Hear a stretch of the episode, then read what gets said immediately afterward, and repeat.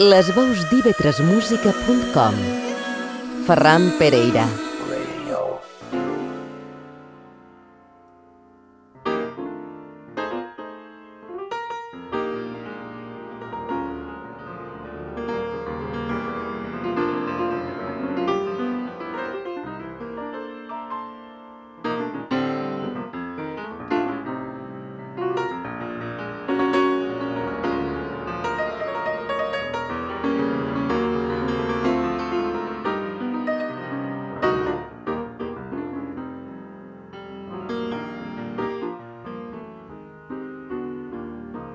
Dels cadells de Blake a l'experiència de Woody Show, Stan Getz i Leonard Hampton.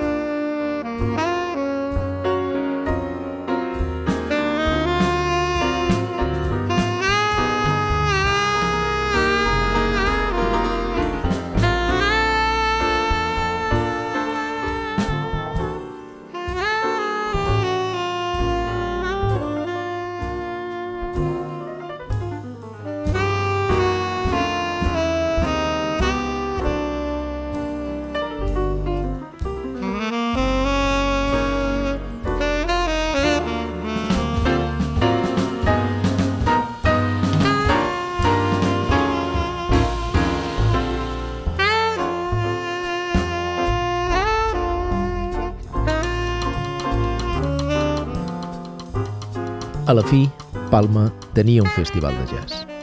La ciutat havia entrat en el mapa concertístic.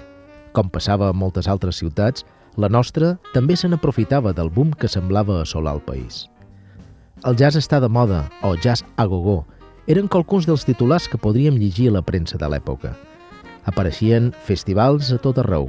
Palma, com Vigo, que havia començat un any abans, acompanyarien el Festival de Jazz de Sant Sebastià, avui Heineken Jazz al Dia, o el Festival de Jazz de Barcelona, en l'actualitat el Woldam Festival Internacional de Jazz de Barcelona, que ocupaven el decanat, els, els més antics del país, amb dos fundats el 1966 i aleshores ja absolutament consolidats. Tete Montoliu protagonitzava la portada del número 1, de la publicació mensual especialitzada Quàrtica Jazz, que agafava el relleu de la malaurada Jazz Revista, que només havia aconseguit treure el número 0 i 1 en una efímera existència. Sí, aleshores semblava que el jazz agafava una gran embranzida. Les discogràfiques anaven publicant més material sonor, això sí, amb el retard de rigor. Recordo una conversa que vaig tenir l'oportunitat de mantenir amb Juan Carlos Calderón, Sí, l'autor de Tómame o Déjame, el gran èxit de Mocedades, sobre aquesta aparent eufòria de la música de jazz i dos dels seus àlbums, aleshores ja llunyans, Bloque 6, s'havia publicat, si no record malament, el 1966, era un disc de jazz, i Soleà, de jazz també, però en reminiscències flamenques. En el panorama insular, el primer festival de jazz de Palma havia estat tot un èxit, fet que animà a un dels seus programadors a anar organitzant altres concerts. Així, el 8 de setembre d'aquell 1981, gaudirem del concert de Ray Charles al Palau Municipal d'Esports i el 25 de novembre de la visita d'Art Blake amb el Jazz Messengers.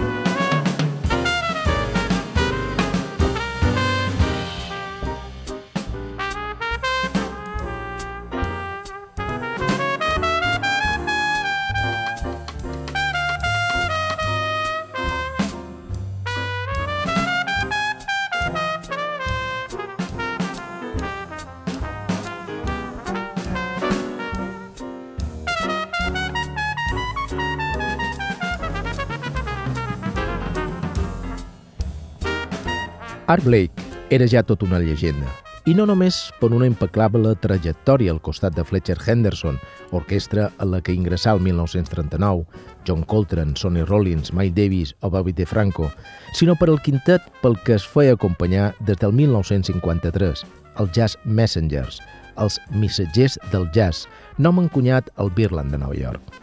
Una formació de músics joves que anaven variant, escollits pel propi Blake i que amb el temps anirien convertint-se en grans figures del jazz. Com a exemple, podem anomenar Freddie Hubbard, Cedar Walton, Chuck Mangione, Wayne Shorter o Kate Jarrett, entre molts altres. L'anunci de la visita de Blake amb els Messengers crea una gran expectació entre els aficionats al jazz. Se'ns presentava l'ocasió de gaudir d'un altre dels mítics, dels grans, dels considerats genis i herois del jazz, i com afegit s'havia filtrat que a la primera línia de foc del quintet, formada sempre per tres vents, hi trobaríem a un jove músic de Nova Orleans, del que se n'estava parlant per tot el món com d'una de les més grans promeses del gènere dels darrers anys. Fins i tot hi havia veus prou acreditades que en parlaven com del substitut de Mike Davis, per cert, aleshores encara en actiu i en immillorable forma. El músic en qüestió era Winton Marsalis. A la roda de premsa que oferia el mateix dia del concert, es mostrà com la persona afable, simpàtica i comunicativa que el precedia. Parlar de música, de com estimaven el jazz els aficionats dels països nòrdics, Noruega, Suècia, Holanda. Recordem que eren visitats amb freqüència per als artistes nord-americans en les gires internacionals. També parlar dels messengers que l'acompanyaven en el concert. Pràcticament els mateixos, a excepció del pianista Donald Brown, que l'any anterior havien participat en el Festival de Jazz de Sant Sebastià i que ell considerava com la millor configuració que havia tingut mai. Així, Winton Marsalis a la trompeta, el seu germà Bradford Marsalis al saxo alt, Bill Price al tenor, Don o Donald Brown al piano, Charles Framburg al contrabaix i acompanyant el mestre Blake, encetaven en la magna de l'auditorium el que seria una ballada memorable. Primer una composició de Don Brown, després una altra de Charles Framwood. Blake sempre remarcava la valia dels seus músics, abans d'afrontar el All Blues de Mike Davis o el In a Sentimental Mood d'Ellington. Donar plena llibertat als seus cadells que signaren un concert verdaderament inoblidable.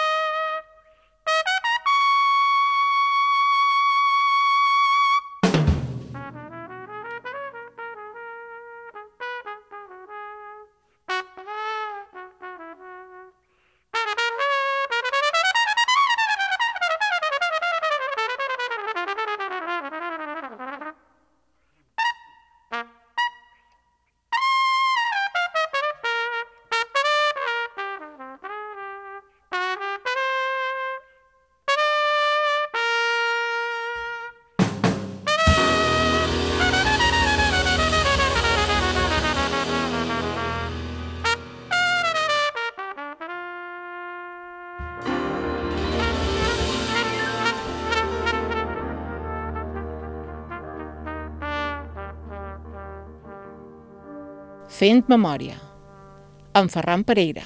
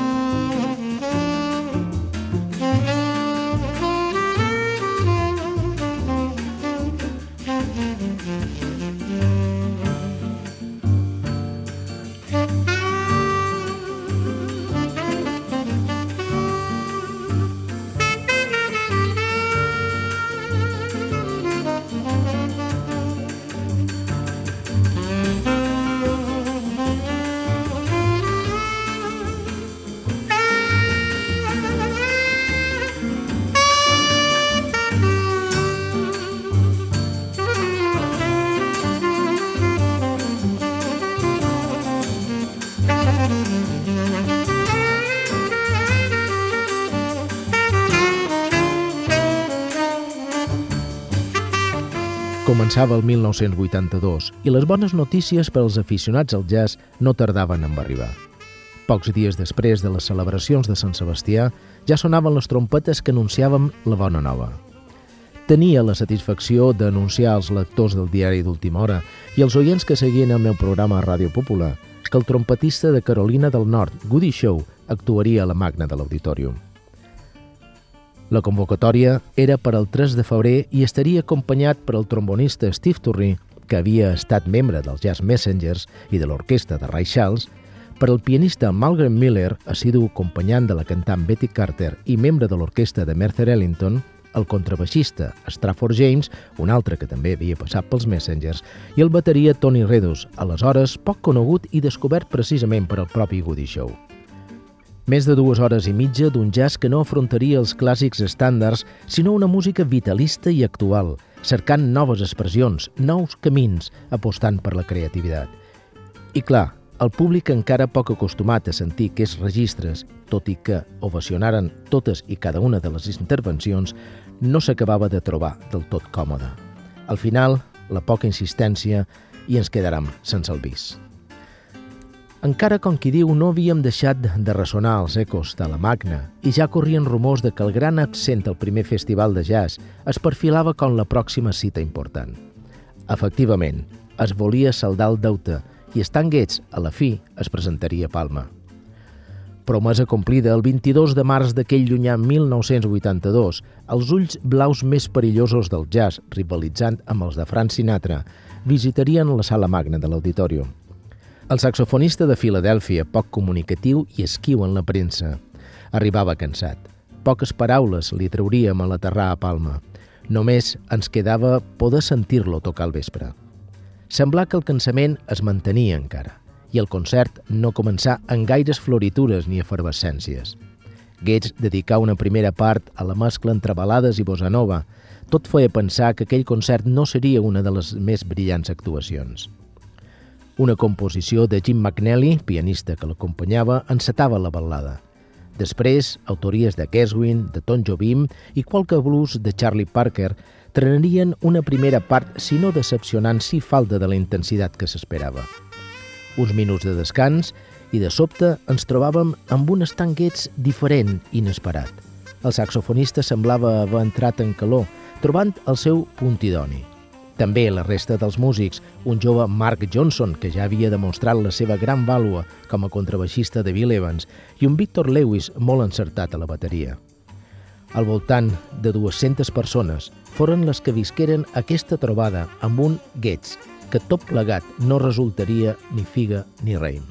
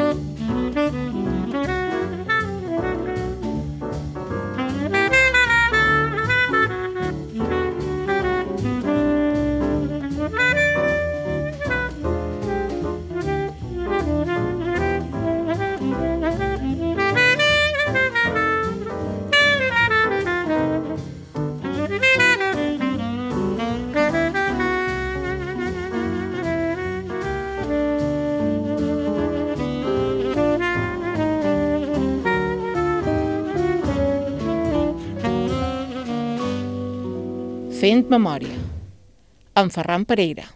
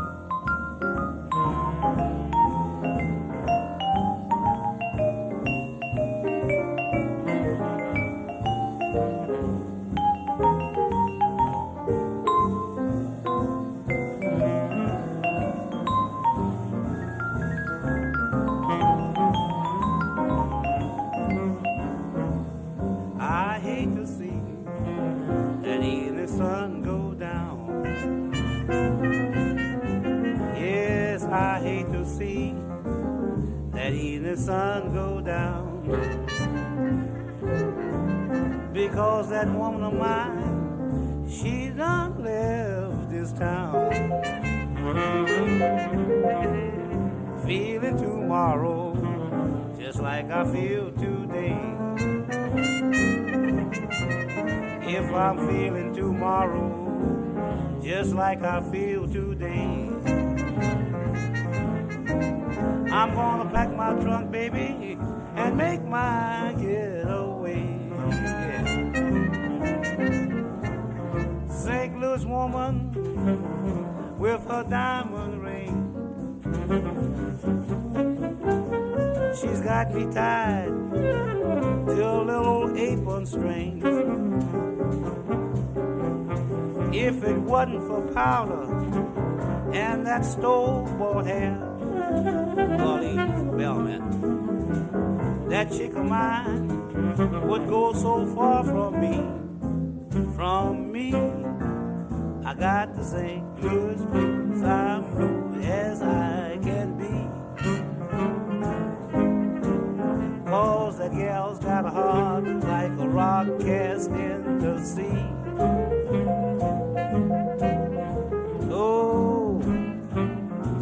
So mean to me. Mississippi River, long, deep, and wide. I'm gonna cross to the other side. I'm going back to St. Louis. Anàvem a concert per més i ens agradava. Teníem l'oportunitat de veure, i el que encara és més important, sentir en directe els grans músics de jazz que molts havien forjat una afició i a qualcuns altres una gran passió. Noms que havien vist escrits i que havien sentit només en els vinils, pocs d'edició nacional i els que més aconseguits a l'estranger. I clar, amb aquest panorama, assabentar-nos de que el gran Leonard Hampton, sí, el mateix que popularitzà el vibràfon en el món del jazz, seria la pròxima figura internacional en visitar-nos, ens il·lusionava les totes.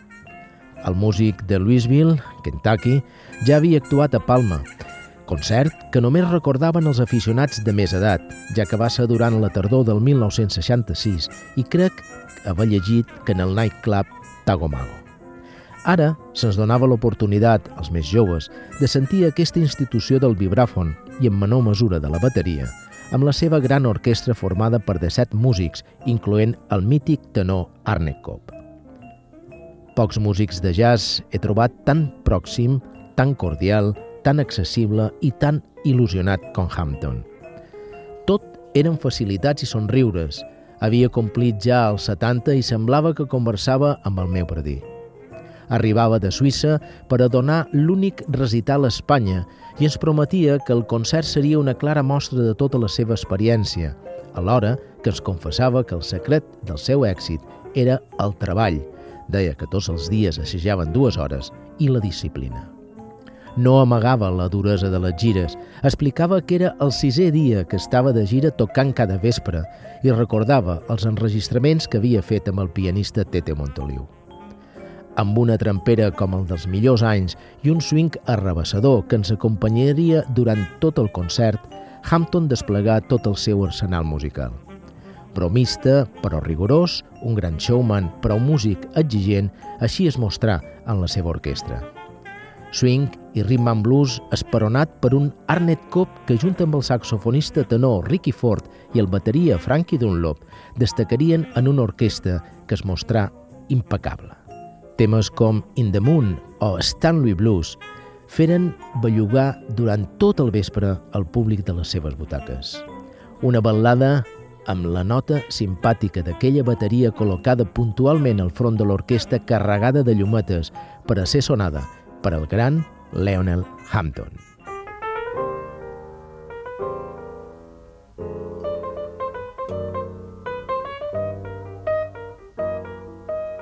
Fem memòria, un jazz còlic.